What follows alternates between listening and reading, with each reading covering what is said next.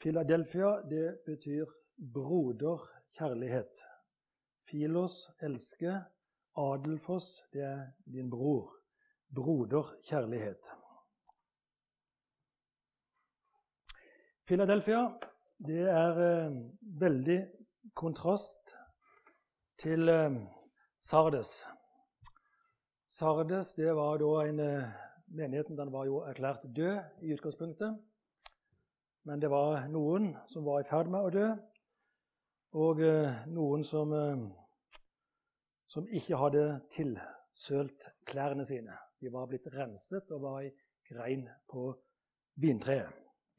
Philadelphia det er den perfekte menigheten. Det er den menigheten Gud vil ha. Han får ingenting ris. Han får bare ros. Det er optimalt å eh, komme bort i, i noe sånt. Det, er eh, sjeldent. Eh, nå er vi helt sør i Lydia, før vi da går over i Mysia og Frygia. Den siste menigheten her. Menigheten ligger på Det er en grenseby. Han ligger altså helt på grensen, der Lydia møter Mysia og møter Frygia. Helt på grensen. Slik at det er på en måte åpent å komme inn fra alle retninger hvis du vil inn i den menigheten her, eller vil inn i den byen her. Som sagt var det mye jordskjelv, mye vulkaner, som har eh, prega Tyrkia. I år 17 var det et kjempejordskjelv eh, etter, etter Kristus, år 17, i Sardes. Det hadde episentrum og hyposentrum i Sardes-menigheten. Eh, I Sardes by. Men det hadde virkninger utover totalt i ti byer, i ti byer bl.a. Philadelphia. Philadelphia var da den byen som hadde de største etterskjelvene etter det jord, jordskjelvet der.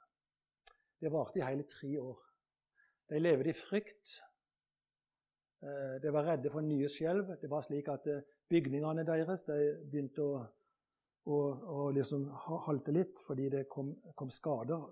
Det, det ble rista, og de var redde for å, å bo der når disse etterskjelvene begynte. Så de flytta ofte ut da, fra byen og litt utover på marka og bodde i noen skur de, de bygde. De følte det var, det var, tryggere enn å bo i eh, boligene sine. Eh, det var òg et eh, vulkanutbrudd i Philadelphia. Dette med vulkanutbrudd og det med eh, jordskjelv, det har med noe vi kaller for platetektonikk å gjøre. Derfor, derfor blir Philadelphia kalt for den platetektoniske by. Og Der er det tre områder da, som treffer hverandre. Akkurat som platene i jordskorpa. Eh, det deler iallfall inn jordskorpa i 20 plater. Noen relativt store plater og noen litt mindre plater. Det er den øvre delen, altså den ytterste delen av jorda. Det vi kaller jordskorpa. Så har vi mantelen, og så har vi kjernen. Jordskorpa er inndelt i ulike lag. Noe vi kaller for stenosfære, som er en sånn steinmasse. Noe vi kaller for astenosfære, som er en bløt masse. Slik at disse harde platene de beveger seg da og flyter på en måte på en, på en bløt masse. Derfor vil disse platene de vil rotere litt og de vil bevege seg vekk fra hverandre, slik at det kommer svære dyp, og det kan bare sprute opp. Og de kan gå mot hverandre og krasje. Den sterkeste da går under og løfter den andre opp, og så blir det jordskjelv. Så det er dette her som har skjedd i, i Tyrkia. Dette, og det, både, altså det har skjedd i virkeligheten, og det skjer på en måte åndelig sett. Et område i Philadelphia. Det heter kata kekaumene. Kata kekaumene. Og det betyr utbrent område. Det hadde vært et, et vulkanutbrudd. Et svært område her i nærheten av der menigheten Philadelphia lå. Kekaumene, utbrent område. Det betyr at det kommer, oppå der kommer det nytt jordsmonn, kommer ny jord. Og det var et meget fruktbart område etterpå det vulkanutbruddet. Åndelig sett så betyr det at det, det har skjedd på en måte eh, eh, Altså det, det, har skjedd noe inne i, i, tankene, inne i sinnet til de personene som bor i den byen der. Det har vært på en måte et, et eh, vulkanutbrudd der òg, slik at det, de har ødelagt på en måte det Satan har putta inn, slik at det er klar til å ta imot evangeliet. Altså Du har brent opp det der, som jeg om, denne tanken at vi hadde et bibliotek med alt det vonde, og at vi hadde et apotek inni for å bygge medisiner inni i hjertet vårt. Så her er det mottagelig for Guds ord, fordi at har, de er på et kata kekaumene-område. Den uh, keka etter der, to sånne k etter det betyr at det er perfektum. Altså det har brent det er gjennomført, dette her. Eh, kaumene, ser vi på det ordet der, KMN-lyden. Kaumene, kamene, kamine, kamin. Det har med det norske ordet kamin å gjøre. Det har med ovn, at du tenner på og, og, og brenne noe for å få varme. Så dette er brent område. Det ligger også i navnet. Og så er det kata-funksjonen som da kommer foran her, som jeg har nevnt mye her. Kata kekamene. Så det ligger også fysisk på stedet. Det blir kalt for det. Så her er det menigheten der kata-funksjonen kan fungere. Som var da en type englefunksjon vi talte om i første økta jeg hadde med kata, og para-funksjonen og dia-funksjonen. Her ligger alt til rette for å gå ut og forkynne, fordi det er mottagelig for evangeliet. Og Det er derfor dette er en god menighet. Disse er våkne. Det er ikke slik som Sardes, at de er døde, men her er det liv og de vil ha det. Og det er egentlig bare å så på den nye Kata Kekaumene-området, som er fruktbar jord. Akkurat som da hjertet er nå fruktbart. De vil, de vil ta imot evangeliet. Så Vi skal snart komme her og lese her at jeg har satt foran deg en åpen dør. Altså Døra er åpen. Her er det bare å så. For her står det i kø pga. frykt. De er redd for jordskjelv, vulkaner. De lever ikke trygt, og de søker Herren.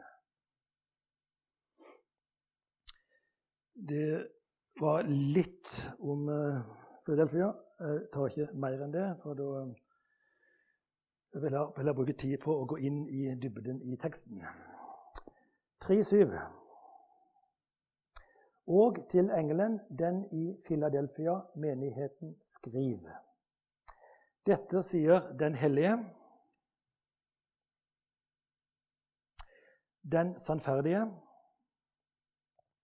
du kan oversette 'den ekte', 'den genuine'. Eh, den eneste, som står for den eneste sannheten. Det ligger mye dybde her, men uh, iallfall den hellige og den sannferdige. Eh, den havende nøkkelen Davids.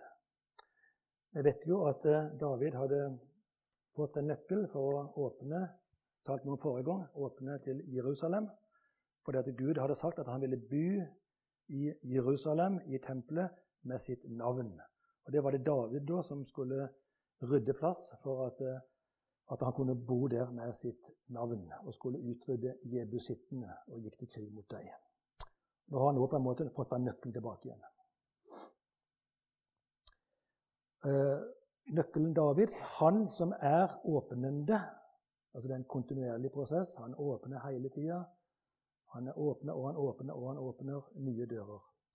Og ingen vil komme til å lukke. Og han er lukkende. Han, han lukker òg når, når, menneskene ikke vil ha evangeliet. Da lukker han, slik at ingen, ingen vil komme til å åpne. Den hellige, altså han er hellig. Jesus han er hellig av natur. Menneskene de blir erklært hellige. Det er viktig å vite. Det er mange ord for hellig. Hagios, Osios, Iros osv. Men Jesus, det er han vi prater om nå, han er hellig. Og han er den eneste som blir kalt for den hellige. Ingen andre får den tittelen. Han er den hellige. Eh, at han er eh, sannferdig, at han står for sannheten, det er det at han står for absolutt sannhet. Altså, Det er ikke noe løgn, det er ikke noe som er skjult i han. Det er 100% sannhet. Og han står for den eneste sannheten. Ingen andre er i nærheten av sannheten. Det er et meget spesielt ord som heter aletheia eller aletinos. Det kommer laté-rota, altså noe som er latent, noe som er glemt eller skjult. eller noe sånt. Han glemmer ingenting, han skjuler ingenting. Han forteller hele sannheten. Og ingen andre kan stille opp og måle seg med det han har å si, det du finner i ordet. Det er 100% sannhet. Gud han kan ikke lyve fordi han er sannheten. Gud og sannheten det hører sammen. Og mennesket og løgnen det hører sammen. Selv om et menneske taler sant, så taler det aldri sannheten, slik det greske ordet for sannhet er. Et menneske vil aldri tale sannheten. Den er Gud alene om. Det var det. 3.7. Jeg tror ikke jeg kommenterer det mer. 3.8. Jeg vet om gjerningene dine. Dette har vi jo egentlig i hvert, til hver menighet. Han vet om gjerningene. Se, jeg har gitt foran deg en dør. Hvilken, altså den døra som, hvilken er blitt værende åpnende. Er blitt værende åpnende. På norsk står det nok mer at 'jeg har satt foran deg en åpen dør'. Ikke helt det samme. Døra den er blitt værende åpnende. Den står i passiv. Det betyr at det er ingen mennesker som står bak og åpner ei dør. Vi mennesker kan ikke åpne ei dør, uansett hva du taler. Det er Herren, han åpner dører. Så her i denne menigheten her er døra blitt værende åpnende. Hvilken ingen kan, eller er i stand til, eller har kraft nok til å låse den. For den er blitt værende åpnende, og ingen mennesker er i stand til å låse den igjen. Har Gud bestemt at ei dør skal være åpen, da er han åpen. Har Gud bestemt at en dør skal lukkes, da er han lukka. Ingen mennesker kan eh, stille opp her og gjøre noe ut ifra det Herren har bestemt. For det er gjort passivt av Herren, og ingen kan overstyre det. Hvorfor har han satt foran denne menigheten en åpen dør? Jo, det kommer nå. Det er tre grunner til at den døra er blitt værende åpnende, og at ingen kan lukke den. For liten har du styrke eller kraft eller makt. Du kan velge det ordet. Jeg vet ikke hva du bruker i Bibelen din. For liten du har kraft. Liten kraft du har. Og du bevarte mitt ord, og ikke du fornektet mitt navn.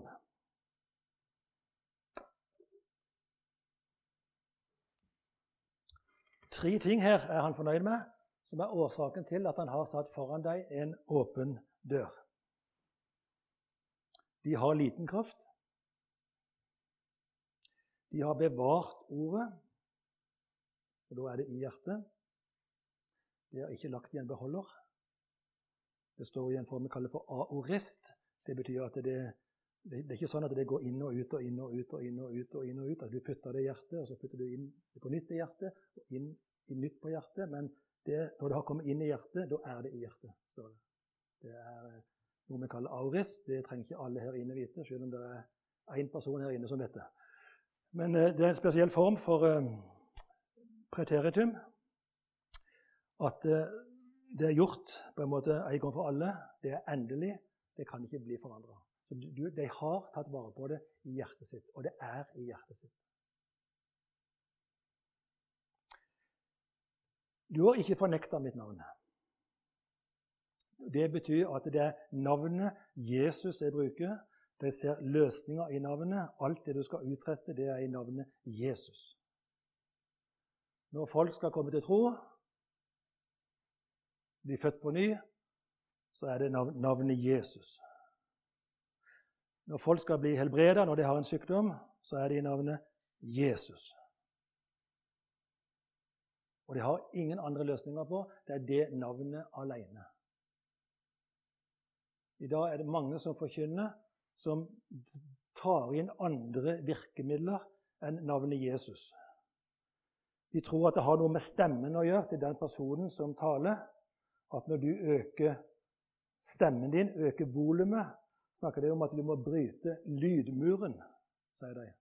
Men det, det er ikke bibelsk. Du trenger, trenger ikke bryte noe lydmur. For da er, det, da er du med på å gjøre noe. Hvis du tror at du må øke stemmen din for å få noe bønnesvar eller for å gjøre noe, så er du med på å gjøre det. Men Herren han står for alt det alene, og det er i navnet Jesus. Og Det er det de har bevart. De har fornekter ikke det navnet. Og de sier at det er ingen andre måter å oppnå noe på enn i navnet Jesus.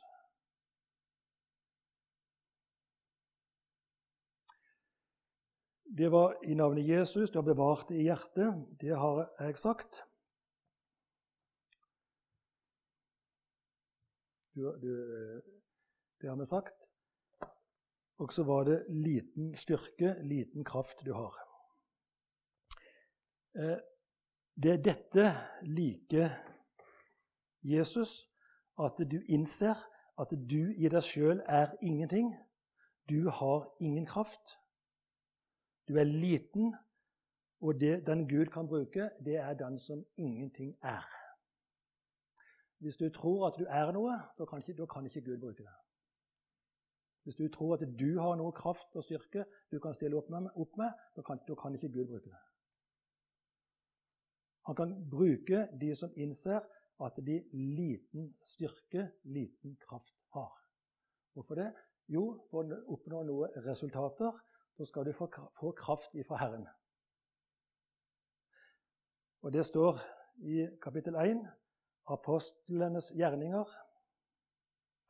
Der sier Jesus sjøl, rett før han skal bli rykka opp i Kristi himmelfart, så sier han det at eh, vent i Jerusalem.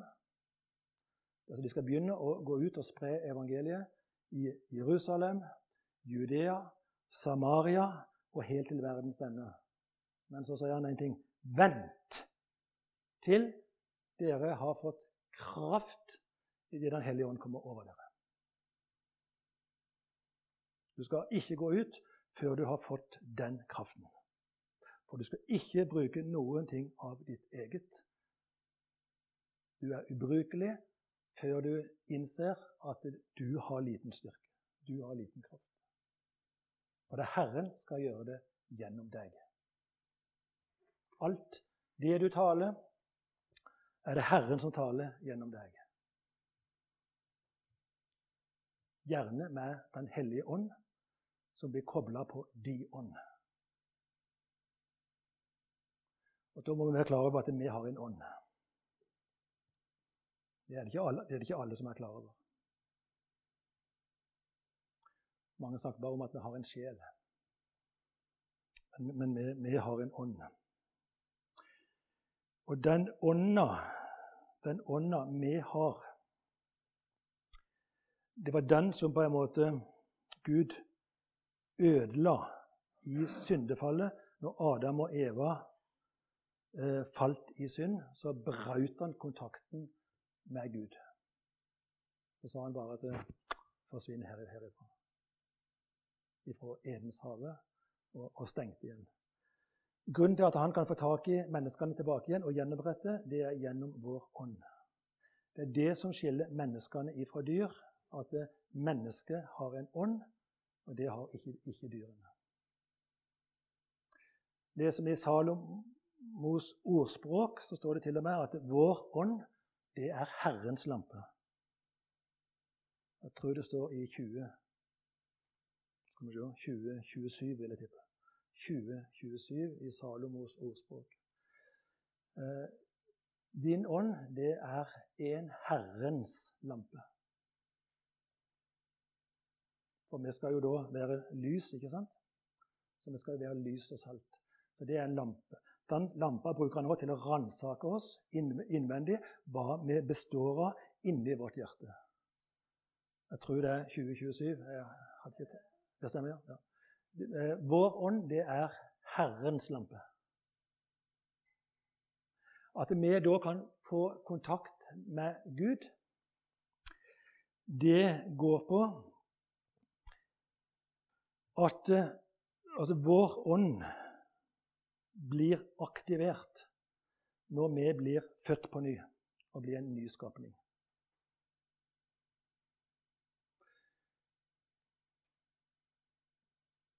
Ånda vår, det blir som et SIM-kort i en mobiltelefon. Når du har en, et mobilabonnement Talkmore, OneCall, Telenor, Telia så får du et SIM-kort i posten. Det SIM-kortet er aktivert fra Telia, Talkmore, prikk, prikk, slik at det skal virke. Men det virker ikke før du putter det inn i mobiltelefonen og slår en firesifra kode og logger deg på. Da er det SIM-kortet aktivert, og da kan du ha kontakt med andre personer.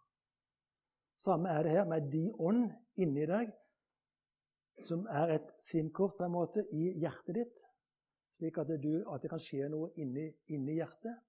Da må det SIM-kortet bli aktivert.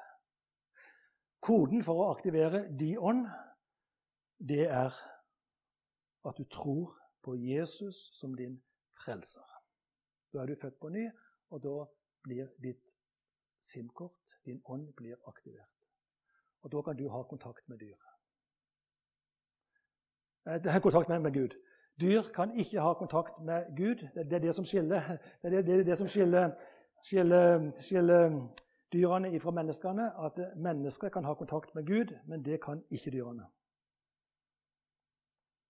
Jeg kunne sagt mer nå om dette med ånd og sjel, men eh, jeg har ikke tid til det. Jeg kan bare si at det er veldig mye gal forkynnelse ute og går på det feltet der. Veldig mye. Du er jo en psykisk skapning. Så sjel, det er noe du er. Vi snakker veldig ofte om at det er noe vi har. Og den forkynnelsen er ikke riktig.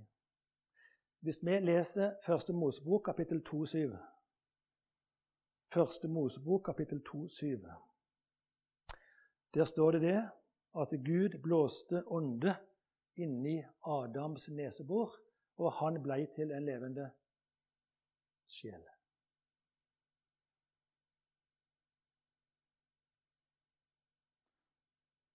Så sjel er i utgangspunktet ikke noe du har, slik det blir forkynt i dag, at vi har en sjel, og at sjela skal bli frelst. Det er direkte feil.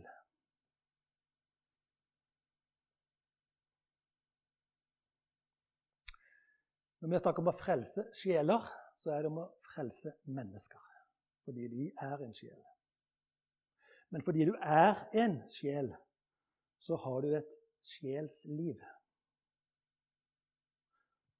Og det er på en måte din syke, at du føler, at du har følelser. Du føler godt, og du føler vondt. Når vi dør, så tenker vi, tenker vi det at Gud han vil ha vår sjel som en komponent inni oss. Hvis vi går nå til Apostelens gjerninger, kapittel 7, tror jeg det er 759, tipper jeg. 759. Hvis noen gidder å slå opp det, så tror jeg det er der. Der har Stefanus han har blitt steina og venter på å dø. Jeg tror det er 759. Da sier Stefanus det. Herre Jesus, ta imot min ånd. Herre Jesus, ta imot min ånd. Ikke, ikke min sjel. Det blir oversatt så feil fra gresk og hebraisk at det, det er helt tragisk. Så det Gud vil ha når du er død, det er din ånd. Og når du har født på ny og er en ny skapning Din gamle skapning, det er at du er en sjel. Din nye skapning, ditt nye liv, det er at det kommer liv i din ånd. Din ånd, som et SIM-kort i hjertet, blir aktivert, og du har et samfunn med Gud.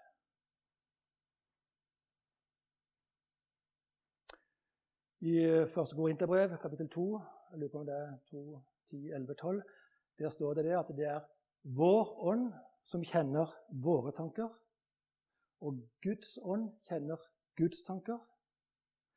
Vi har ikke fått den ånd tilhørende verden, altså verdens ånd, men vi har fått den ånd tilhørende Gud, Guds ånd. Det betyr at om vi har fått den, så kan vår ånd kobles på Guds ånd, og da kan vi ha samtale med Gud, og da får du åpenbaring. For åpenbaring, det, det, skjer med at du, du, egentlig prater sammen, du korresponderer sammen, som en mobiltelefon. Du har kontakt. Du kontakter Gud når du folder hendene dine og ber. Da har du samfunn med Gud. Og når du leser Bibelen, så har du samfunn med Gud, for da kommer Den hellige ånd ned og vil åpenbare for deg det du leser. Så det er de ånd som Gud tar vare på når du dør. Det med sjel det kom inn med tilbake igjen til eh, Sokrates og Platon og Aristoteles. Sokrates var veldig aktiv på dette her. Han levde fra 469 til 399 før Kristus. Og han var veldig opptatt av at det var noe inni oss som han kalte sjel. Disse ordene visste jo ikke folk om da, så han kalte det sjel. Det må være noe inni oss som på en måte har noe med Gud å gjøre. Og Det må vi bare godta. at det, det, har, det har, blitt sånn og ut, utvikla seg på den måten der, og det har blitt kalt sjel. Men sjel er noe du er, ånd er noe du har. Så hvis du ikke da er født på ny, da har ikke du liv i din ånd, og da går du fortapt. For det er din ånd Herren tar vare på når du dør. Det, det, det las vi nå om Stefanus. Herre, Jesus, ta imot min ånd. Det vil jeg si nå, for det har med litt med det å gjøre, og litt ut, utover her. Så det å ha et samfunn her da med Herren, og du bruker navnet Jesus, og du tar vare på hele ordet tar du vare på i hjertet ditt, som du får tak i ved hjelp av din ånd, som kobles med Den hellige ånd. og Vi kaller det for Den hellige ånds samfunn. Du kan ikke koble din sjel, hvis du har en sjel, med Den hellige ånd. Det er din ånd du kobler på ånd. Vi kan korrespondere sammen fordi vi er sjeler. Så sjel og sjel kan kombinere, kan du kombinere med og, og snakke sammen. Og ånd med ånd. Så de ånd må bli aktivert. Så den styrken du trenger, den får du på en måte i et liv sammen med Herren, der du er kobla på og har et samfunn med Den hellige ånd. Det var 3.8. 3.9. Se, jeg gir noen fra synagogen Satans. Av dem siende seg selv jøder å være, men ikke er det men lyver. Se, jeg kommer til å gjøre det slik for dem at de kom. Jeg merket det at de kom. Det er ikke det som står på norsk. Og tilba. Det er ikke det som står på norsk. Fremfor føttene dine. Og visste at jeg elsket deg, parentes, hvilket jeg gjør fremdeles. Det var et langt vers. Se om vi klarer å dele det opp her. Um, han sender noen nå ifra Satans synagoge. Hvis vi går på Smyrna, som vi har hatt før Smyrna kapittel 2,9 Da sendte han noen ifra Satans synagoge som ville inn i menigheten, og det var det Satan som sto bak. Da ville Satan sende dem for å ødelegge menigheten. Her er det ikke det at Satan sender dem, men her, her er det Herren sjøl. Jesus sender dem til Philadelphia fordi han har satt foran deg en åpen dør, og det er på et Katar-Kekaumene-område som er utbrent, så det er god jord å så i, slik at de er klar til å ta imot evangeliet.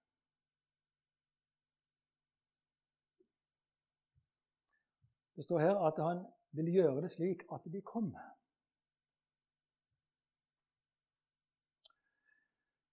Det er noe vi kaller for subjunktiv aorist. To vanskelige ord. Dere trenger ikke bry dere om det, men det er det det heter. Det betyr at du skriver noe i preteritum som om det var historie i fortid, som kommer til å inntreffe i framtida.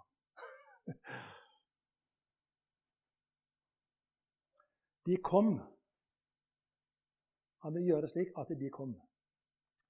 Det betyr at eh, de har allerede kommet fordi de vil komme. Og når Herren vet om at de vil komme, så har Herren allerede erklært at de har allerede kommet. Derfor skrev han 'kom'. De tilba. De har tilbedt fordi de vil komme til å tilbe. For Herren veit om at de vil komme for å tilbe, og da har de allerede tilbedt. Kaller det for subjunktiv aorist.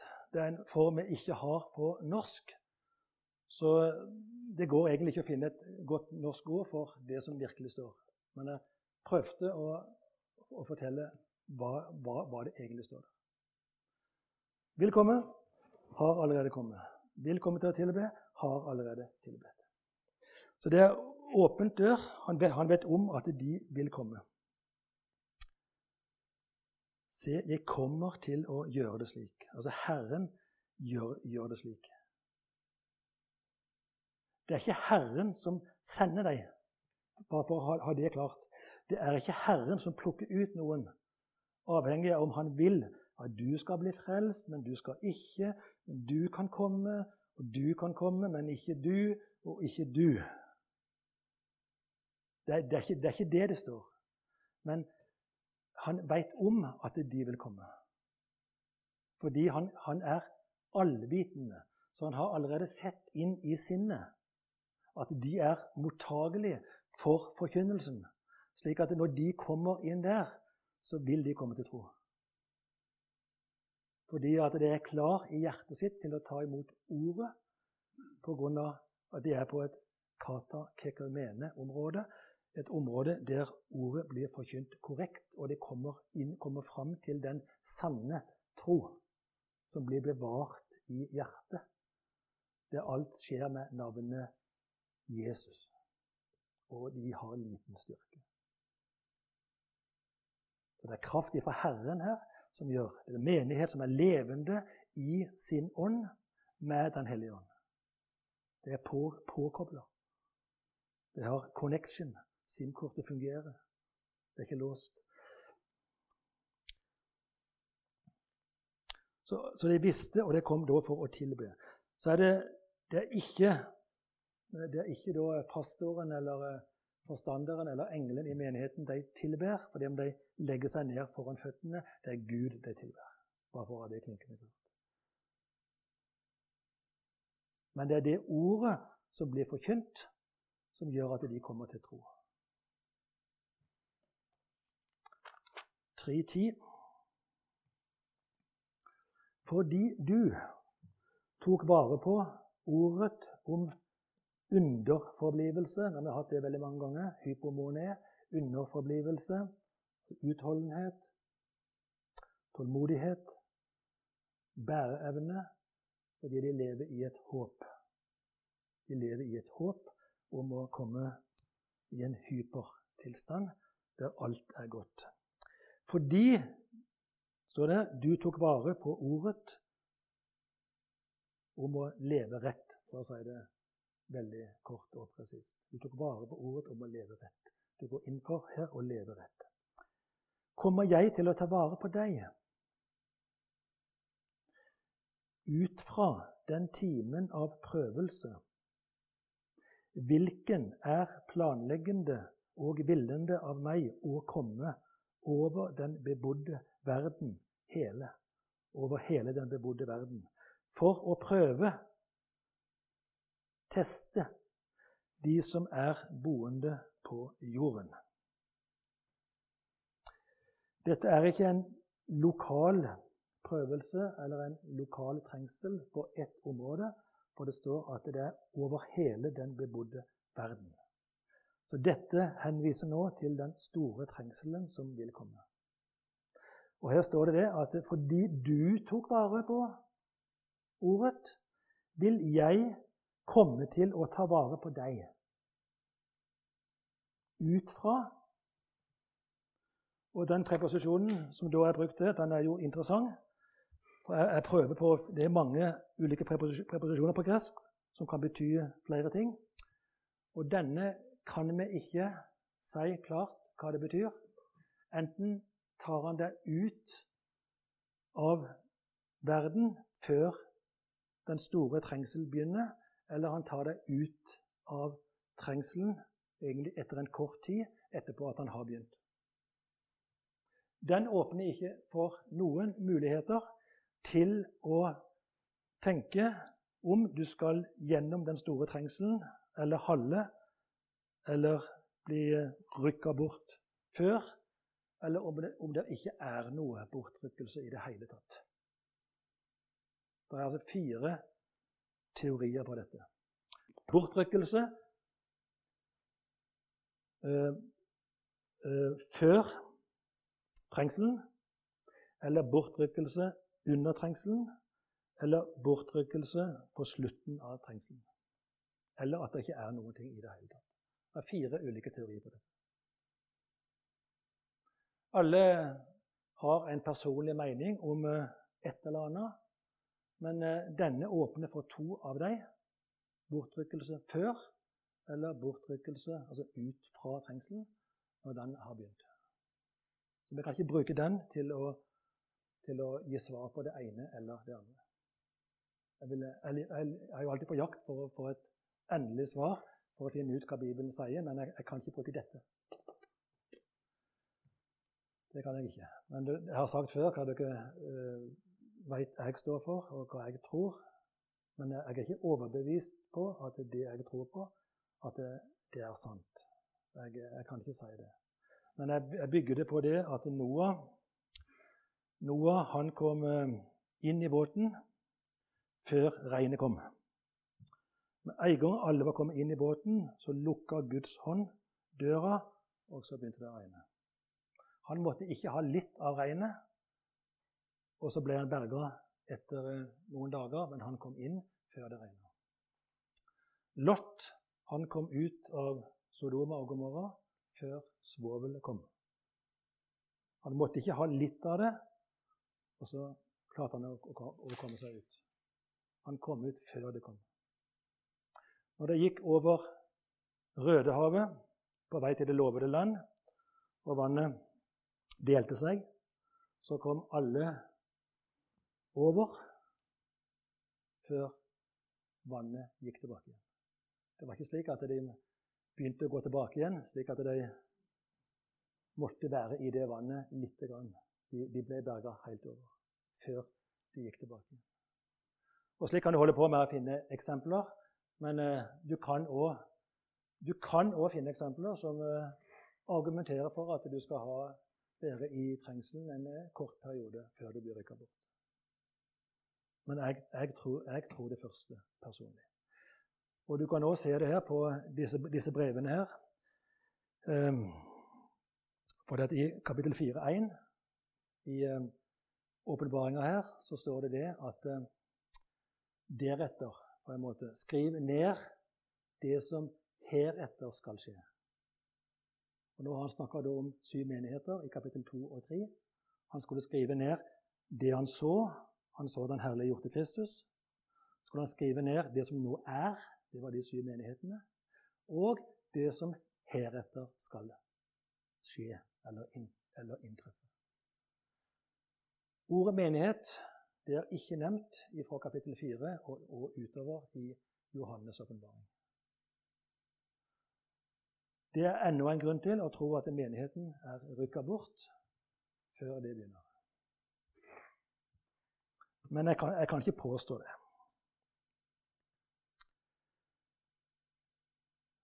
Men det er iallfall det at du tar vare på det her som står. Derfor vil, eh, til, vil Jesus komme til å ta vare på deg. Det er jo en trygghet bare det, at han tar vare på deg. Så hva han da gjør, det vil tiden vise, men han tar vare på deg. 11. Se, jeg kommer snart. Eller brått. Hold fast på hvilket du har, eller det du har, for at ingen tok kransen eller krona din. Igjen er det sånn aurist, subjunktiv her, at ingen tok. Altså ingen, ingen har tatt den noen gang, og ingen vil komme til å ta den. Fordi det, det sørger han for. Bare det at du holder fast på det du har. Å holde fast på, det var, det var det jeg sa en gang her, at du må holde fast, holde fast på det her. Det betyr at du, du har det med deg overalt. Du, du, du legger det ikke bort. Jeg holder fast på det. Jeg vil ikke miste det. Altså Innstillinga er slik at jeg vil ha det. Det Herren gir meg, det vil jeg ha. Jeg eh, går ikke bare sånn og så legger det fra meg her og så gjør jeg noe annet. Jeg, jeg, vet hvor jeg har det. Lagt det på en bod eller noen sånne ting. Jeg, jeg, har det ikke i hjertet lenger. eller Jeg har det ikke her. Jeg, holder ikke fast, fast, på det. Jeg har lagt det fra meg. Men jeg vet, vet hvor det er. Men da kan det komme noen her og ta det fra deg. Pass på at ingen tar fra deg krona di. Du må holde, du må holde fast på det. Ikke legg det fra deg.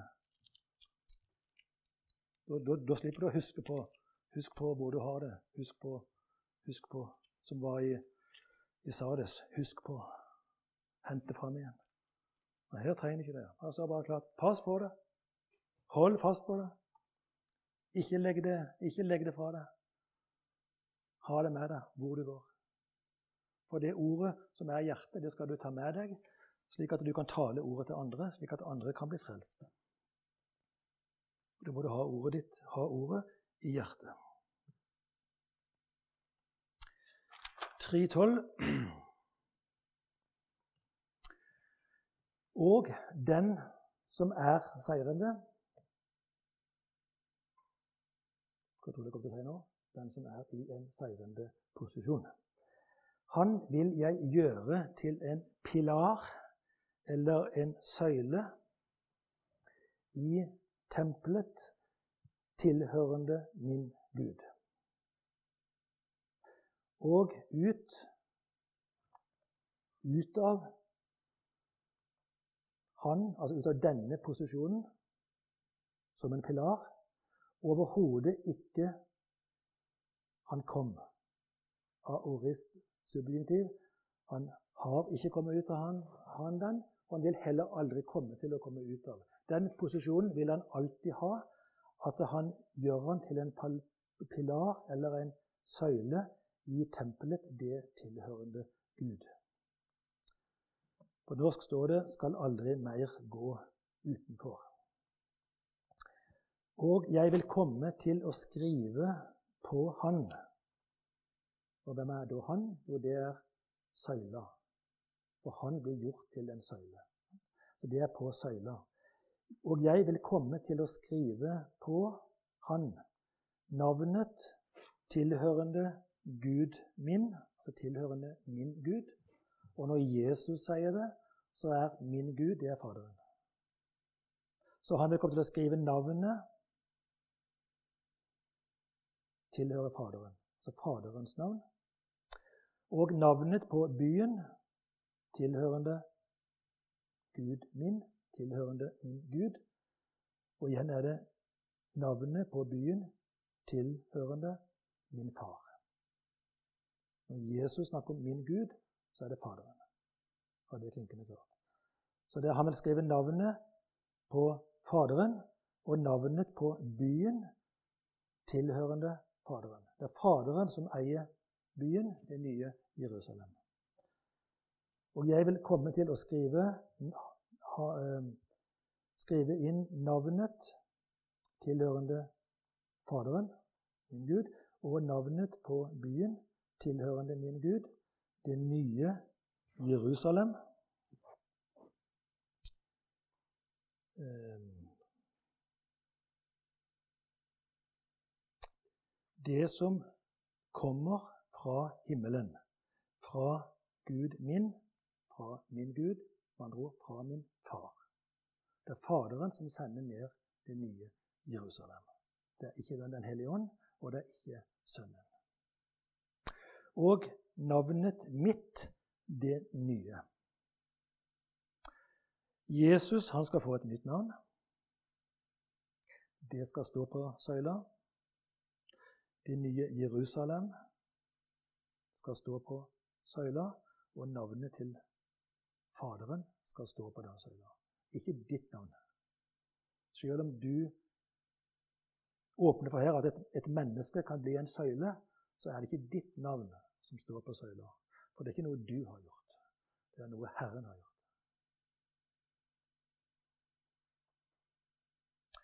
Så må, må vi si litt om det da, og søyle her, hva det er for noe. Den som er i en seirende posisjon, han vil jeg gjøre til en pilar eller en søyle. Om vi har noen dråper av den.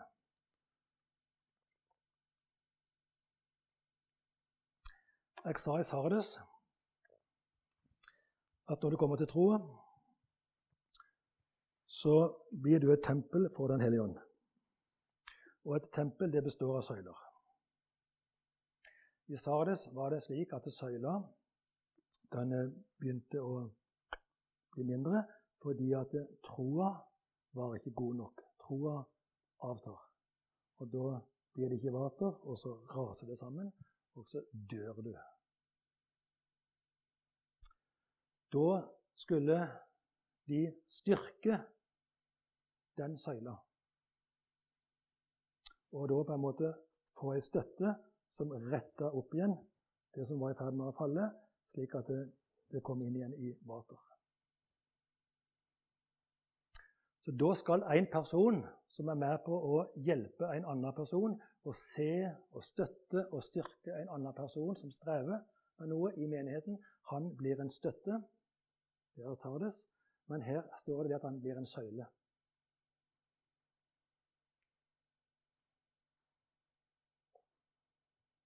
I, med, i, i, Guds tempel. Du blir en søyle i Guds tempel. Må du vite at Et tempel det er noe som er i en person. Som troende så er du et tempel. Som enkeltperson når du har kommet til tro.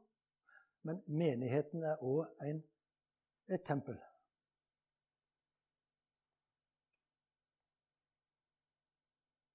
At du blir en søyle, det kan du bli i den funksjonen her. For her er du på et kata kekaumene-område, der du taler. Så det er avhengig av hva du taler til den personen. Den er avhengig av de tro. Det er ikke enkelt å forstå. Men det er avhengig av de tro. Så vi sier da på en måte her at du taler tro inn i det andre mennesket. Slik at det kan komme til tro. I Sardes, da hadde de kommet til tro. Men tempelet holdt på å rase ned. Da var du en støtte for å rette det opp. Men her er det slik at disse har ikke tro. Og det du da taler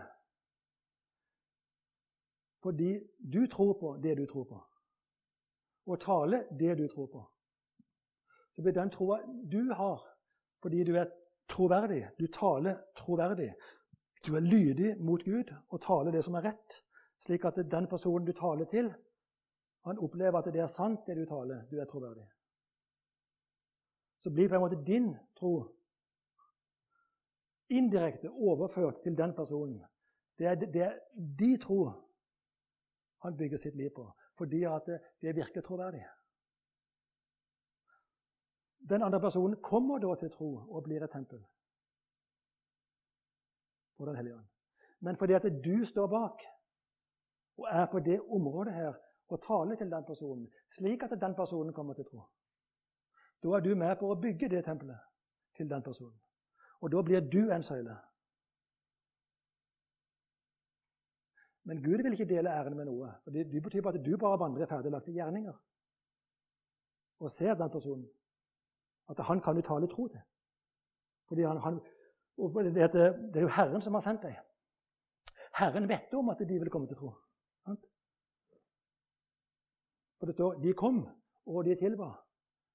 De har allerede kommet, fordi Gud vet om at de vil komme. Og når Gud vet om at de vil komme, da har de allerede kommet. Så troen har de allerede tatt imot. Men du er da på en måte siste personen som er utløsende faktor for at troa i deg blir utløst. For det å komme til tro, det er en rugeprosess. Det er en, akkurat som et barn ligger inne i mors liv. Så er det der i ni måneder. Barnet er der, men barnet er ikke utløst på en måte før det kommer til verden og, og kommer ut. Så kan du òg begynne å bygge tro men du venter bare på at troa blir utløst. Og den personen da, som utløser den troa, som taler det siste han trenger, da blir den personen en søyle i det tempelet i han. For han er òg et tempel for Den hellige ånd når han blir kristen. Slik vi er. Vi er et tempel, vi er et tempel for Den hellige ånd. Og et tempel består av søyler. Så du, du kan gå inn og bli en søyle i en annen person. Det er det det, er det, det står her. Men ditt navn står ikke på søyla. Du har ikke æren for det. Det er Herren. Fikk dere med den?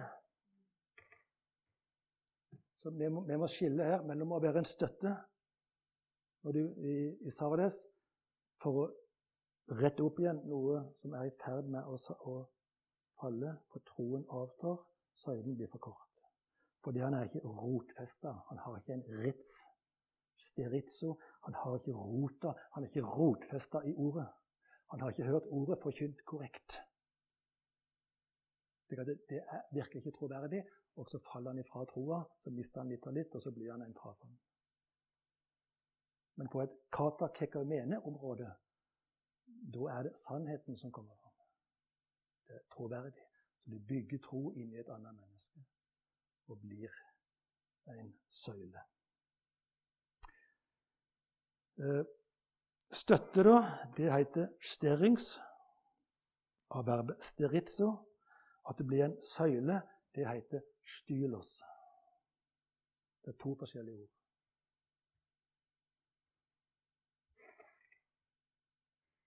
Du blir erklært når du inntar denne posisjonen. Så sier Gud at Du blir ikledd et embete. Og det embetet du får av Herren, det heter stålet.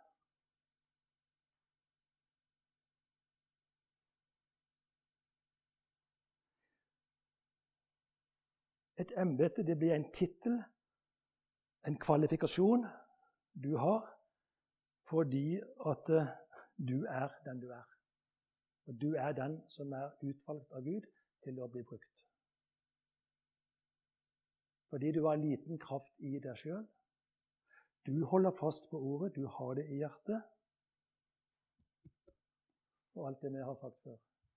Du fornekter ikke hans navn.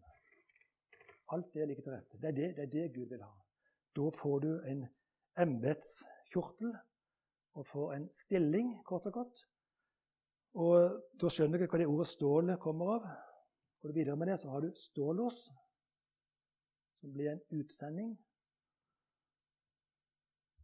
Som blir en apostålås.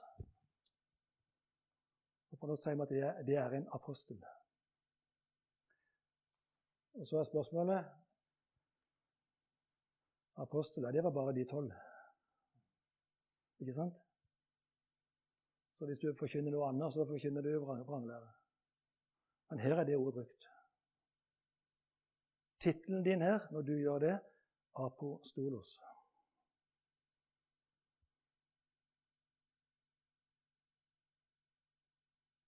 Vi kan gjerne diskutere det. Slike titler og embeter det er ikke noe vi kan titulere oss med sjøl. Det er noe Herren gir. Um,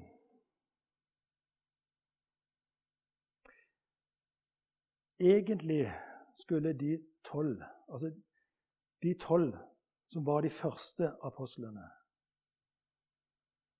De skulle ha vært kalt Hvis du hadde fulgt helt andre generelle regler, så skulle de ha vært kalt ark. Ark-apostolos. Altså erkeapostler. Akkurat, akkurat som du har eh, biskoper, så har du erkebiskop.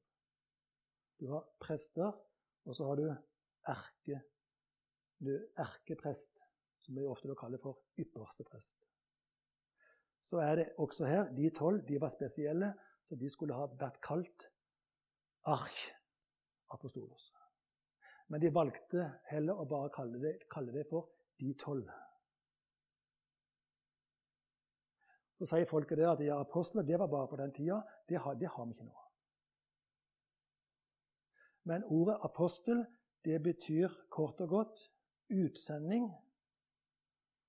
Du er steller, du er stilt til disposisjon, disposisjon for å tale evangeliet, for å forkynne evangeliet og bygge menigheter. Men det er innebygd tanke inni oss at vi kan ikke bruke det ordet apostel. For det var bare de tolv. Det er på en måte reservert til de tolv.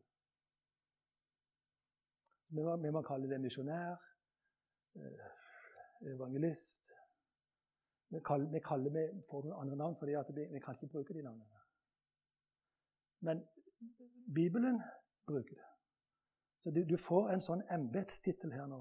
Når du, du er med på å bygge templer. Du er med på å bygge menigheter og bli en søyle. Og jeg, jeg kan ikke da jeg, jeg, må si det som står, ikke sant? Så dette har noe med apostler å gjøre. Så får folket si hva de vil, men det, det blir ofte slik at når vi hører noe, så får Satan oss til å si at nei, du kan, du kan ikke bruke det. det, det altså, du lytter på en måte til Satan. Nei, det er reservert. Det var, det var bare de.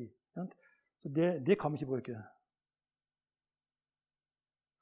Men det står noe i Korinterbrevet at i enhver menighet Det er Paulus som skriver det. I enhver menighet skal det være apostel, profet, evangelist, hyrde og lærer. Det skriver Paulus lenge etterpå at dette skjedde. Og når Paulus ga ut som ut og på misjonsreisene, så bor han i Antiokia i Syria. Ikke Antiokia i Pesidia i Tyrkia. Da er han i Syria. I menigheten i Antiokia i Syria. Det er de som sender ut de første misjonærene, da. De, de, som blir sendt ut. Og da står det det at uh, Den hellige ånd sa til menigheten i Antiokia Ta ut for meg Paulus og Barnabas til apostler. Så Paulus han er apostel for Jesus, og han er apostel for Den hellige ånd. Det har dere neppe hørt, hørt før. Han er apostel for begge deler. Jeg eh, vet ikke om jeg vil kommentere det mer, fordi eh, jeg vet at eh, enkelte ord sånn, det er på en måte det blir fort feil. Fordi at vi har bestemt dere for at apostler, det var bare de tolv. Og så eksisterer ikke det lenger. Men Bibelen sier ikke det. Og det jeg forkynner, det jeg taler om, det er det Bibelen sier. Så Når jeg nevnt det med sjel i dag, det er det, det er det, Bibelen sier. Det med apostler, det er det Bibelen sier. For vi, vi, vi, har sånn altså vi går, vi går, i et samfunn. Kristne forener seg, og, og de på en måte de kommer inn i en um, kulturelt samfunn der noe er rett, og det undersøker de ikke om det stemmer med Bibelen. Også når noen da sier det at det stemmer ikke, det, så blir det på en måte bare forkastet. Men det du skal gjøre, det er å undersøke alt det du hører, må du undersøke om det stemmer med Bibelen. Så her er det brukt apostel.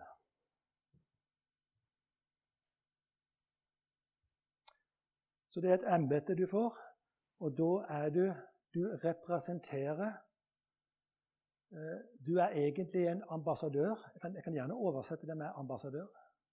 For det at du har nå en posisjon i himmelriket fordi du er født på ny. Og så er du ambassadør her nede på jorden. Du er en utsending fra Apo-planet som er stilt til disposisjon å tale evangeliet og tale tro inn i mennesker, slik at de skal komme til tro og inngå, komme inn i et tempel der du blir en søyle.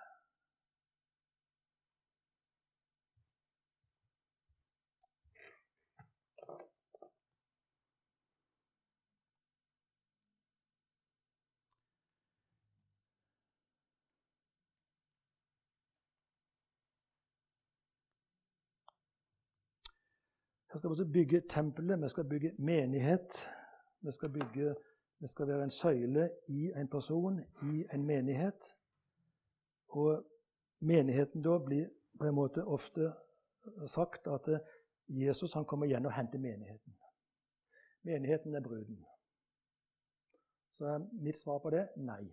Menigheten er ikke bruden. Og det, Bibelen, Bibelen sier ikke det.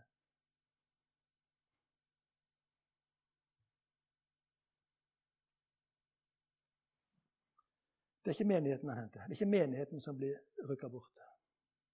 Det er bruden. Og hva er bruden? Jo, bruden er en delmengde av menigheten. Herren han er brudgommen og kommer ned og henter bruden, sin kvinne. Og vi vil snakke om tre kvinner. Den sanne kvinne, det er bruden. De som har olje på lampa, de som har aktivert SIM-kortet, de som har aktivert sitt ånd og har et åndelig liv. Ikke bare et fysisk liv, men et åndelig liv. Det er bruden. Den sanne kvinne. Og så den andre kvinnen, det er horkvinnen. Det har vi snakka om i, i tidligere, tidligere, her, om hor, horkvinnen. Det er den falske kvinnen. Den blir ikke henta. men den kan òg være i menigheten. Og den tredje kvinnen, det er solkvinnen. Og Det går ikke jeg inn på nå, men det finner du i Åpenbaringa kapittel 12. Der står det om solkvinnen, kvinnen kledd i solen. Så det er bruden han henter, den sanne kvinne. Den blir rykka opp. 3.13. Den som er havende et øre, han hører hva Ånden sier til menighetene. Så det han sier til den ene menigheten, det sier han til alle menighetene. Så vi må høre alle menighetene, og så må, vi finne ut hva får de ros for, hva får de ris for, og så må vi plukke ut på en måte alt det Gud vil ha. Og Dette er eksempler på den menigheten der Gud er fornøyd. Han finner ingenting å klage på. Og Det er utrolig at den finnes. Det, det gjør han.